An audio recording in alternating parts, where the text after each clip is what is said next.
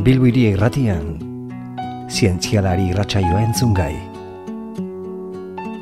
Universial País Basko Euskal Herriko Unibertsitateko Kultura Zientifikoko Katedrak eta zenbat gara elkarteak elkarlanean prestaturik. Zientzia gizarteratu eta haren balio historia eta lorpen nagusiak edatzeko. Izarren hautsa egun batean, bilakatu zen bizigai. Matematikan graduatua da Daniel Ezeizabarrena. Karrera amaierako saria irabazi du eta matematikan eta aplikazioetan masterra egin ostean doktore ikasketak egiten dabil bekamen. Sortuz ta sortuz gure aukera, atxedenik hartu gabe. Eguzkitik iristen zaigun argia ez inbesteko osagaia da lurrean bizia izan dadin dakigunez. Etengabeko emaria da argiarena, eta gian horregatik ba, gizakiok ez diegu beti behar besteko aditasunez behatzen argiaren inguruan sortzen diren fenomeno bereziei, fenomeno bitxiei zenbaitetan. Hain zuzen ere, horietakoa dugu talboten efektua deritzana. Gaurko saioan, Daniel Ezeiza Barrena matematikariaren eskutik ezagutuko dugun efektua. Gure artera etorria da, Daniel, lehenengo bat, beste gonbidatu bezala, eskerrak emango izkiogu eta ongi etorriare bai Bilbo hiri erratea eta ba, bueno, ba, esan dakoa, eskerrik asko mila esker urbiltzeagatik, zen moduz? Eskerrik asko zuei, ba oso ondo, bai? Bueno, talbot jaunari buruz hitz egin behar dugu benetan gizon interesgarria, baina horretara baina lehenago, Daniel, nik aldetu nahi nizun, ze zure aurkezpentxo horretan, aipatu dugu e, bekamen zabiltzala lanean, ikerketan, zer da bekam akronimori, B-C-A-M akronimori? Bueno, ba, bekam da e, matematikako zentru bat, hemen Bilboko erdigunean daukaguna, Eta Beckham hau da, bueno, inglesezko, inglesezko izena dauka, inglesezko izen horren siglak dira. Eta, bueno, da BCAM, Beckham, dala Basque Center for Applied Mathematics, hau da izango litzatekena, ba, matematika aplikatuen euskal zentroa. Eta horretan nahi lanean, buru belarri? Bai, bai, hor gabiltza doktoretza iten, eta egia esan oso, oso giro politia daukau, Beckhamen, e, nahiko, fizikoki nahiko zentro txikia da, baino pertsona kopuru aldetik e, desente gabiltza, ez dakit, e, laro gehi bat inguru ikertzaile, bai, bai, eta bai. gaina profil guztitako pixkat, e, bueno, beti kasita esan dezagun, ba, karrera eta masterra ikasten aidan jendea praktikak iten bezala, gero gaude gu, doktore gaiak, e, eta gero daude, ba, doktoretza bukatu duen postdokak, eta ja ikertzaile esan dezagun titular seniorrak. bueno, bueno, eta non, non zaudete kokatuak? Ba, mazarredo zumarkalean, mazarredo amalau. Hor, norbaitek paseotxo bat ematen badu, hor ikusiko ditu txorik batzuk, e, bueno, eskaparaten, bekameko eskaparaten, izango, izango aliz bezala nola esaten da paperakin egiten dian origami bai, hauetako bai. batzuk, oso politia. Ah, badakin, oso toki bitxia. Bai, bai, bai, bai, bai. Uh Baki non dene. Bueno, bueno, erki. Bueno, ba, bekam zer den jakin ostean, jakin dezagun norri izan zen eh, William Talbot jauna. Benetan, personaia handia izan zen, eh? Bai, bai, bai. Benetan harrigarria eh, intzitun gauza guztik ikusita. Ba, ba bueno, bere izen eh, osoa esango dut, izen, izena, izena zeukan William Henry Fox Talbot, ingelesa zan, eta mila zortzerun garren urten jaio zan.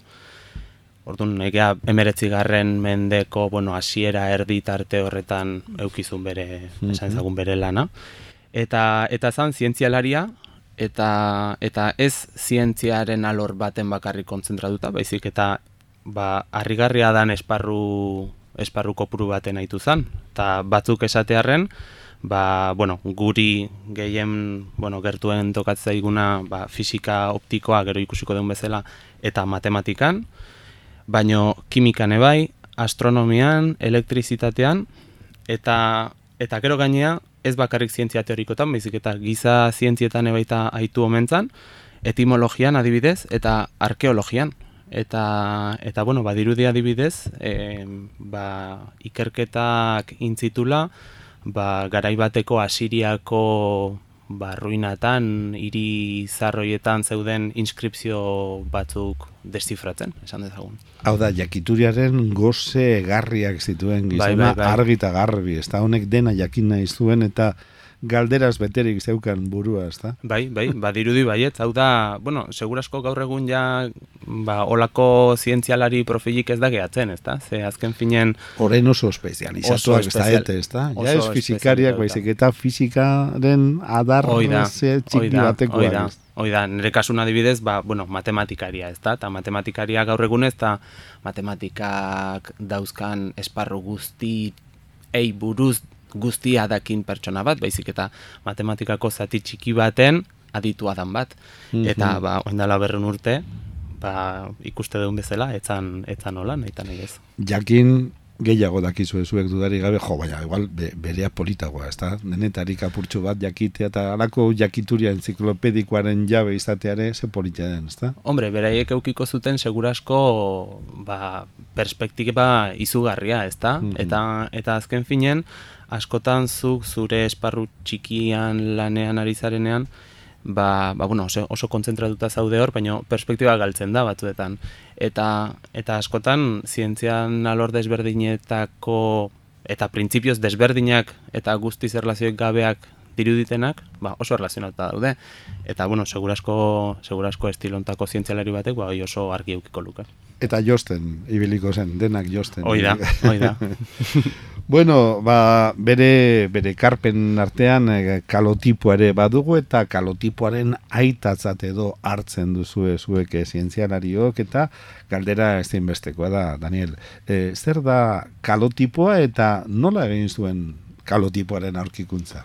Bueno, esan, esango deu lehen da bizi, kalotipoa ba, kontsideratzea daukaula gaur egungo az, argazkilaritzaren aintzindaritako bat e, Mhm. bezala, ezta? E, azken finen kalotipoa izan zen sistema bat talbotek aurkituzuna, ba, irudi bat, iru, bai, bueno, paisaia bat, pertsona bat, erretratu bat irudikatzeko, e, ba, paper baten edo soporte fisiko baten, ezta? Gaur egun argazkia deitze dugu nahi. Eta, eta egia esan, ba, aurkikuntza egiteko, e, ba, e, pasazun historioa oso, oso kuriosoa da. Zein izan zen ba? Ze badirudi, ba, olako erretiro baten, udera baten deskantsatzen naizala Italiako komo lakun, ezta? Badirudi oso paisaia politiak daudela, alpen, alpen magaletan, eta, eta bueno, ba, gustatu, gustatzen omen zitzaion marrazkiak itea eta paisaiak irudikatzea. Baina ez, omentzan oso, oso aditua, egia esan. Neko, neko traketxa omentzan eta orduan esan zuen, jo, gustatuko litzaiake, ba, aurkitzea beste metodon bat, ez da, efektibogoa, e, marrazkikiteko.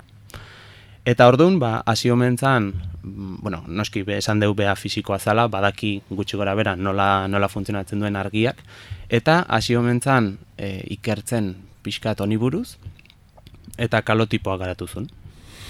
Hoi da, gutxi gora bera, Bere oso, interes historia... personal batetik Bai, eta bai. bere ezintasun batetik. Bere ezintasun batetik, ba, ba, ba kriston aurkikuntza intzun. Jose polita. Eta, eh, Daniel, eta hor eh, kalotipoa eta dagarrotipoa. Zertan bere izten dira biak eta eta kalotipoa horrek arrakastarik izan altzuen, eh? zer gertatu zen eh, iragan hortan. Bueno, ba, askotan, e, itzeite danen argazki gintzaren oinarriei buruz eta eta horri guztiei buruz, ba, askotan deitze zaio, bueno, nolabait argazki gintzan aita deitze zaio dager, dagerri, ezta? Bai. Dager izan zen ba, beste zientzialeri frantses bat, eta honek sortu zuen dagerrotipoa. Izan zala beste, beste metodo bat argazkikiteko garai hortan, ezta? Eta desberdintasunak zian, ba, ba, bueno, teknikok bateze. Kalotipoak e, albidetzezun e, kopia negatibo bat sortzea, eta negatibo hori erabiltzea nahi bezain beste aldiz, e, kopia positibok lortzeko. Eta itezana, badirudi, ba, zan paper bat hartu, paper, paper normal bat hartu, eta eta jartzen zitzaion zilar nitratoa eta azido galikoa. Olako soluzio kimiko bat, nolabait argiarekiko sentikorra bihurtu, bihurtu zedin. Eta, eta ordun e, argia, bueno, e, argia e, bidaltze zitzaion paper honi eta paper horrek kopia negatiboa jasotzezun. Dagerrotipoak ordea e, kopia positibo bat sortzezun zuzenen eta ezintzian kopia gehioin. Bakarra egin zezakeen. Bakarra egin zizakeen, kalitate hobea zeukan kalotipoak baino, baino ordea kopia bakarra zan. Eta zailagoa zan manejatzeko baita. Mhm. Izan ere, dagerrotipoa dagerrotipoan erabiltze zan materiala zan plaka metaliko bat. Aha. Eta ba, sensiblegoa eta eta manejatzeko zailagoa zan.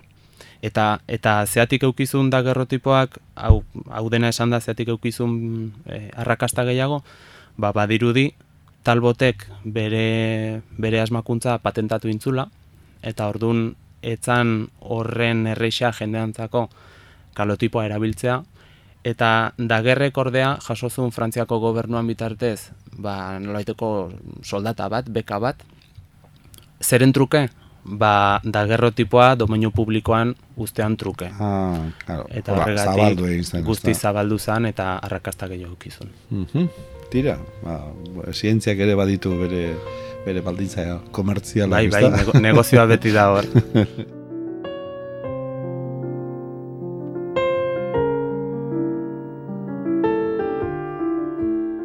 Bueno, ba, guazen aurrera, eta mm, orain e, iker, zango dugu, ba, ikerketa hoietan ari izenarik, talboten efektua izenaz ezagutzen den duguna aurkitu zuela. Zeri esaten zaio e, talboten efektua? Hola, gainetik gaingiroki esan da, Daniel. bueno, ba, talboten efektua da, e, argiak daukan konportamendu berezi bat, ba, sareta batetik, hau da, regila batetik e, pasatzen danen, ezta? E, eta, eta hau izan zen, talbotek, e, talbotek bueno, egin zuen esperimentua, segurasko kalotipoa garatzena izan bitarten, argiakin jokatzen izala, ezta? Eta gero nik uste sartuko gehala e, esplikatzeko zein izan zen talboten efektua, baino nik uste eta justo e, talboten efektuan gertatzen den fenomeno, fenomenologia berdina gertatzen da, ba, eguneroko bizitzan oso, oso gertukoa izan daiteken esperimentu batean, ezta? Adibidez, nik uste denak daukaula lagunen bat edo familiko, familikon bat erretzen duna, ezta? Erretzailea da, no? Eta ordun e, jendeari, jendeai asko gustatzen zaio, ba, kea tragatzen dunen eta bota behar dunen, ba, zirkulukitea keakin, Bai, ezta? bai, bai, eta bai, ordun zirkulua, ba, zirkulu mantentzen da denbora baten zehar, Bai. eta gero ja dispersatu egiten da. Bai, bai. Ordun galdera izango litzake zer gertatzen da aho borobila eukiko bagenu edo ahoai forma borobila jarriko jarri beharren jarriko bagenio forma karratua edo forma triangeluarra, ezta?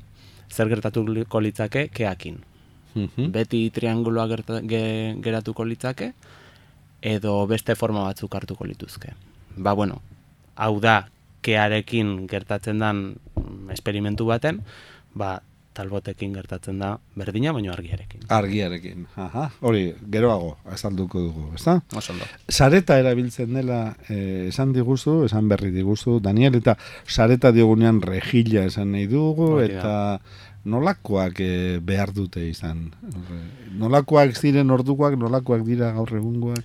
Bueno, ba, sareta edo regila batez hitz egiten nahi geanen, aigea hitz egiten, bueno, hola, simple esan da, ba, hartu ezagun adibidez plaka metaliko bat, karratua adibidez, eta ingo dizkiou ebaki vertikal paraleloak, ezta?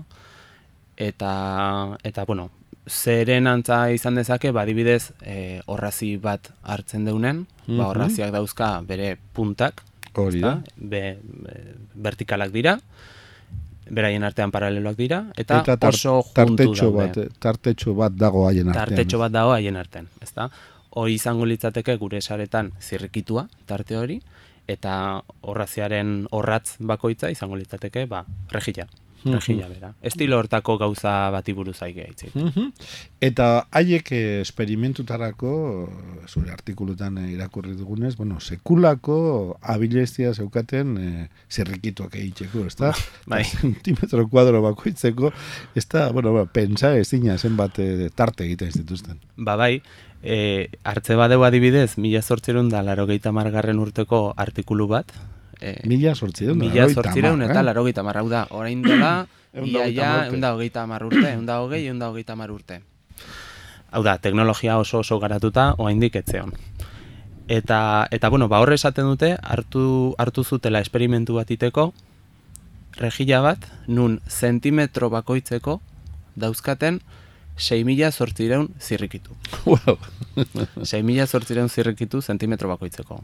Hau da, asko, asko, asko. Nanoteknologia da hori. Nanoteknologia oso aintzinekoa, baina nanoteknologia azken finen. Jakintzazun nola egiten zituzten Bai, bai, jo, horiek. ba, horrek me- mereziko luke, eh, jakitea nola egiten ez duten, da zelako pazientzia da, Bai, bai, bai. txinatarren bat eukiko luke. Zerbait gertatuko zen. bueno, bagoazen eh, aurrera eta eta konta ezagun eh, zirrikitu bakarreko sareta daukagunean eh, zer gertatzen den. Huygensen, ez dakit ondo euskatzen dudan, Huygens. Bai. Hu- Huygensen fenomenoa gertatzen data. Hori da. Ze... Beraz, badugu sareta, zirrikitu bakarra, eta Huygens jaunak esan zigun. Hau daukagunean, zera gertatzen da. Hori da.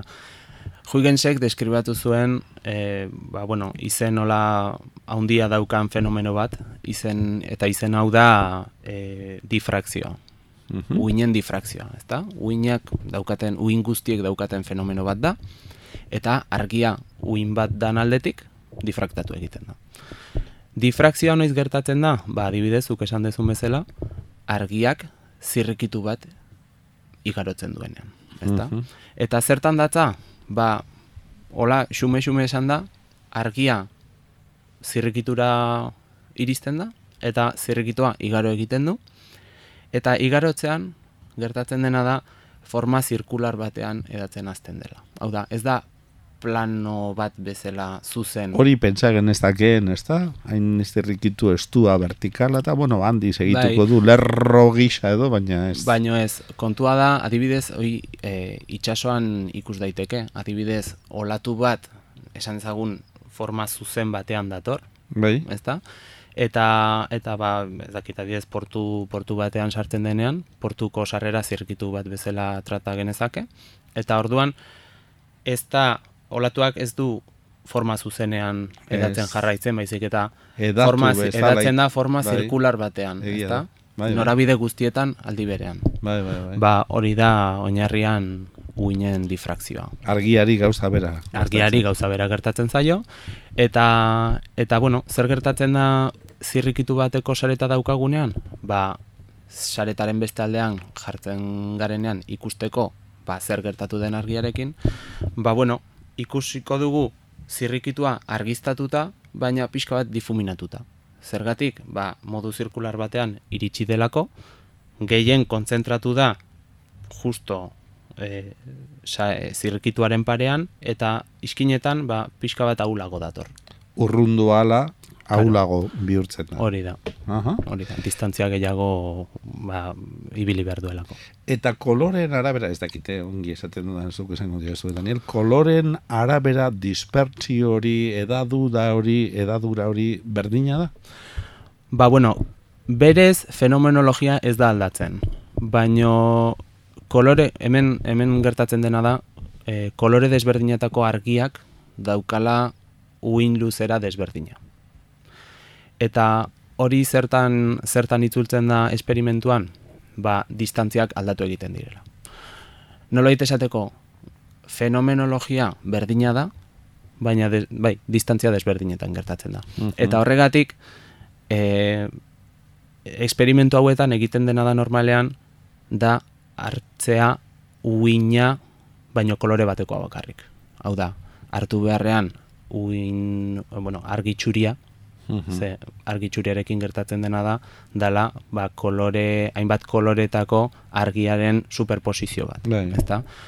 Eta eta hor- horrelako zirriketuetatik pasatzen denean deskonposatu egiten da. Ordun, gauzak simplifikatzeko egiten dena da kolore bakarreko argia hartu. Hau da, Mhm. deitze zaiona argi monokromatikoarekin egiten da lan. Bai, bai, ez baita aldatzen. Ez baita aldatzen, ba, oinarrian gertatzen dena. Eskala aldatzen da, distantziak aldatzen dira, baina formak mantendu egiten dira. Mhm. Erki.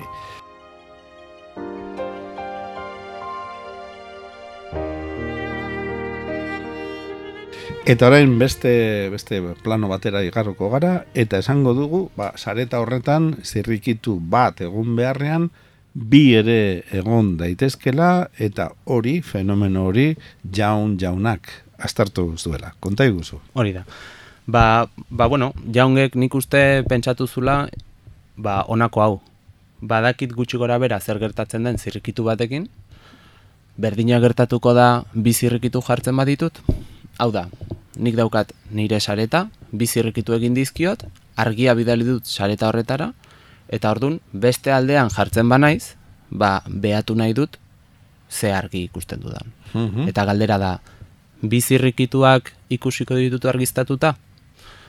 Ba, bueno, pentsatuko genuke baietz, Mhm. ezta? Ba, zu- Bakoitza bere aldetik ibiliko litzateke. Claro, bakoitza bere aldetik ili- ibiliko litzateke, eta argia pasada zirgitu bakoitzetik, ba zirgitu bakoitza argiztatuta ikusiko dugu. Mhm. Ba ez da hori gertatzen. Eta jaungek ikusi zuen zergatik ez den hau gertatzen. Azalduko diguzu, mesedez. Orduan. Kontua da, esan degun bezala, zirrikitu bietako bakoitzean difrakzioa gertatzen dela. Mhm. Argia difraktatu egiten da, eta zirrikitu bakoitzetik uin esferiko moduan ateratzen da. Hau da, modu zirkularrean edatzen da. Bai.